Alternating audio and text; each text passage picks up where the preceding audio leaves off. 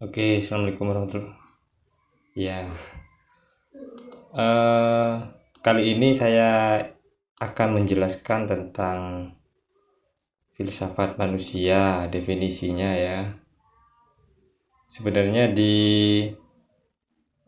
podcast saya sudah pernah saya buat ini, cuman penjelasan yang di situ sepertinya kurang sistematis, kurang runtut karena itu pertama kali saya bikin podcast. Ada kok di podcast saya itu tentang filsafat manusia. Di situ ada. Cuman saya dengarkan sendiri kok. Sepertinya masih kurang sistematis begitu. Penjelasannya uh, maju mundur. Oke. Saya mulai ya. Jadi kita kan sudah tahu definisi filsafat itu sendiri apa.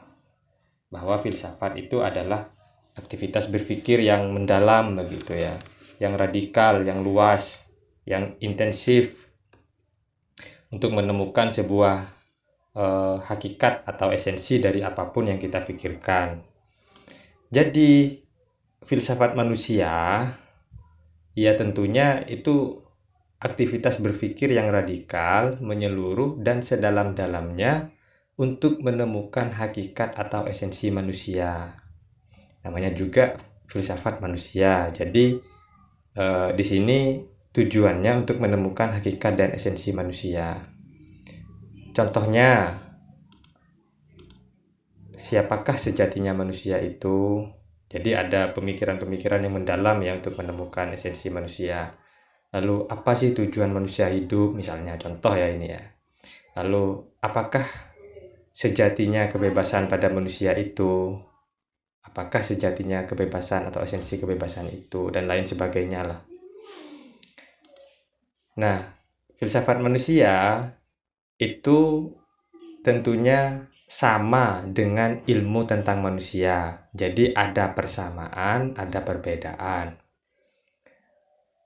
Ilmu tentang manusia itu apa saja? Ya seperti yang kita tahu, psikologi kan juga membahas manusia. Lalu sosiologi juga objeknya manusia kedokteran misalnya ya objek materialnya juga manusia sama dengan filsafat manusia yang dipelajari sama-sama manusia jadi filsafat manusia dan ilmu tentang manusia seperti psikologi, antropologi, sosiologi itu ada persamaan dan ada perbedaan. Persamaannya objek materialnya sama-sama manusia, mempelajari manusia dan gejala-gejalanya.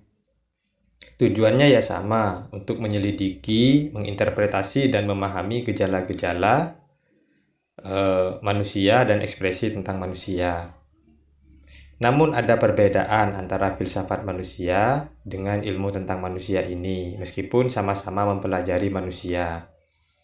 Jadi uh, mata kuliah kita ini, mata kuliah filsafat manusia ini, kalau yang kalian sudah baca bukunya dan sudah kalian miliki bukunya, e, buku yang filsafat manusia itu jadi kita ini akan mem, apa ya belajar tentang manusia begitu posisi manusia atau hakikat manusia. Nah perbedaannya filsafat manusia dengan ilmu tentang manusia yaitu objek formal dan metodenya memiliki perbedaan yang sangat mendasar. Apa saja perbedaannya? Pertama ilmu tentang manusia itu melakukan penyelidikan atau kajiannya secara empiris atau uh, observed begitu. Jadi ilmu pengetahuan itu metodenya observasional atau eksperimental. Artinya uh, metode dalam ilmu itu tentunya harus bersifat indrawi, bisa dibuktikan dengan panca indera. Itu ciri ilmu ya. Jadi metodenya observasional atau eksperimental, terbatas pada sesuatu yang bisa ditangkap oleh indera manusia. Sedangkan manusia, sorry, sedangkan filsafat manusia itu tidak terbatas pada gejala empiris, jadi tidak terbatas pada hal-hal yang bisa ditangkap oleh indera.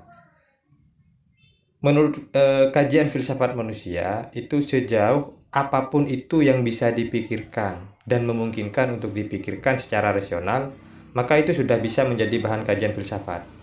Jadi kalau ilmu tentang manusia itu terbatas pada hal-hal yang bisa diamati dan tampak begitu ya. Karena ilmu pengetahuan itu harus e, bisa diamati dan tampak untuk e, bisa dilakukan pengukuran. Nah, kalau filsafat manusia itu tidak terbatas pada hal-hal yang tampak. Jadi sejauh itu bisa dipikirkan, maka bisa menjadi bahan kajian filsafat. Contohnya, dalam filsafat manusia itu aspek-aspek metafisis, metafisika, spiritual begitu ya.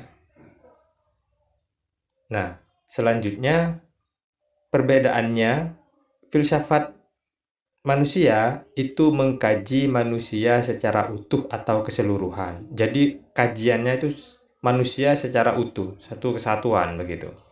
Sedangkan ilmu bersifat fragmentaris, terbagi-bagi. Jadi ilmu itu bersifat fragmentaris atau terbagi-bagi. Misalnya psikologi, ya hanya membahas tentang fisiologis dan psikisnya saja dari manusia. Antropologi ya hanya membahas budayanya saja dari manusia. Sosiologi ya hanya peranata sosialnya saja dari manusia. Tidak seperti filsafat. Kalau filsafat itu manusia secara utuh yang dibahas begitu. Itu bedanya ya dengan ilmu. Lalu ilmu tentang manusia metodenya rasional dan empiris. Sebagaimana yang kita tahu, ilmu pengetahuan itu rasional dan empiris. Jadi e, harus dapat diterima oleh akal pikiran dan dapat dibuktikan oleh panca indera.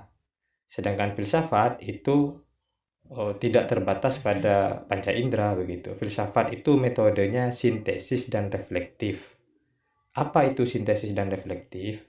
Jadi filsafat manusia, para filsuf dalam memahami hakikat manusia itu melakukan perenungan-perenungan dengan metode sintesis. Artinya mensintesiskan pengalaman peristiwa yang terjadi yang dialami dirinya dengan pengetahuan-pengetahuan ke dalam satu visi. Lalu ada metode refleksi, yaitu berangkat dari pertanyaan misalnya, apa sih hakikat keindahan, apa hakikat kehidupan. Lalu yang kedua melakukan pemahaman diri atau self-understanding. Kalau dalam bahasa Islamnya itu tafakur atau perenungan begitu ya. Nah, jadi filsuf itu dalam memahami hakikat manusia itu metode berpikirnya sintesis artinya mensintesiskan pengalaman dengan pengetahuan dan reflektif artinya berangkat dari pertanyaan untuk selanjutnya memahami atau membaca dirinya dan situasi yang sedang terjadi seperti itu makanya eh, kalau ilmu tentang manusia seperti psikologi, antropologi, sosiologi, dan kedokteran itu objektif sekali, netral dan bebas nilai, dan dasen dasen itu artinya uh, seorang ilmuwan itu menyampaikan apa adanya yang ada dalam keilmuan itu. Misalnya seorang peneliti ketika meneliti yang menyampaikan apa adanya hasil dari penelitian itu. Sedangkan filsafat tentunya subjektif karena melakukan perenungan yang sintesis dan reflektif, pemikiran yang sintesis dan reflektif. Ada unsur subjektif di sini. Artinya apa? Hasil pemikiran itu tentunya akan mengarah kepada eh, pengalaman pribadi filsuf tersebut dan eh, pengetahuan pribadi filsuf tersebut. Makanya eh, Thomas Aquinas itu seorang filsuf ketika memikirkan tentang manusia, dia lebih condong kepada arah spiritualitas karena dia sendiri merupakan seorang uskup begitu ceritanya. Jadi ada unsur subjektif dan filsafat manusia itu bersifat dasolan artinya mengubah dunia. Kalau ilmu pengetahuan itu sebagaimana adanya, kalau dasolan itu kenyataan yang seharusnya. Makanya eh, kalau ilmuwan melaporkan apa adanya, filsuf itu mengubah dunia. Kata Karl Marx itu, Karl Marx mengatakan bahwa seorang filsuf tidak seperti ilmuwan. Kalau ilmuwan hanya menerangkan tentang dunia atau menjelaskan tentang dunia, seorang filsuf harus bisa mengubah dunia, kata Karl Marx. Kata Nietzsche, seorang filsuf itu harus mampu mendobrak kebudayaan yang lembek dan bermoral budak seperti itu. Jadi itu bedanya ilmu pengetahuan dengan filsafat manusia. Sorry, bedanya ilmu pengetahuan tentang manusia dengan filsafat manusia. Ya sama-sama tentang manusia yang dipikirkan, cuman kalau ilmu pengetahuan terbatas pada hal-hal yang bisa dibuktikan oleh panca indera, sedangkan filsafat Sejauh itu bisa dipikirkan, maka itu sudah bisa menjadi kajian filsafat. Selain itu, filsafat manusia kajiannya manusia secara utuh kalau ilmu terbagi-bagi. Nah, jadi itu ya yang bisa saya sampaikan. Silahkan kalau ada pertanyaan tentang filsafat manusia. Jadi intinya filsafat manusia adalah Aktivitas berpikir radikal menyeluruh sedalam-dalamnya untuk menemukan hakikat atau esensi manusia itu sendiri.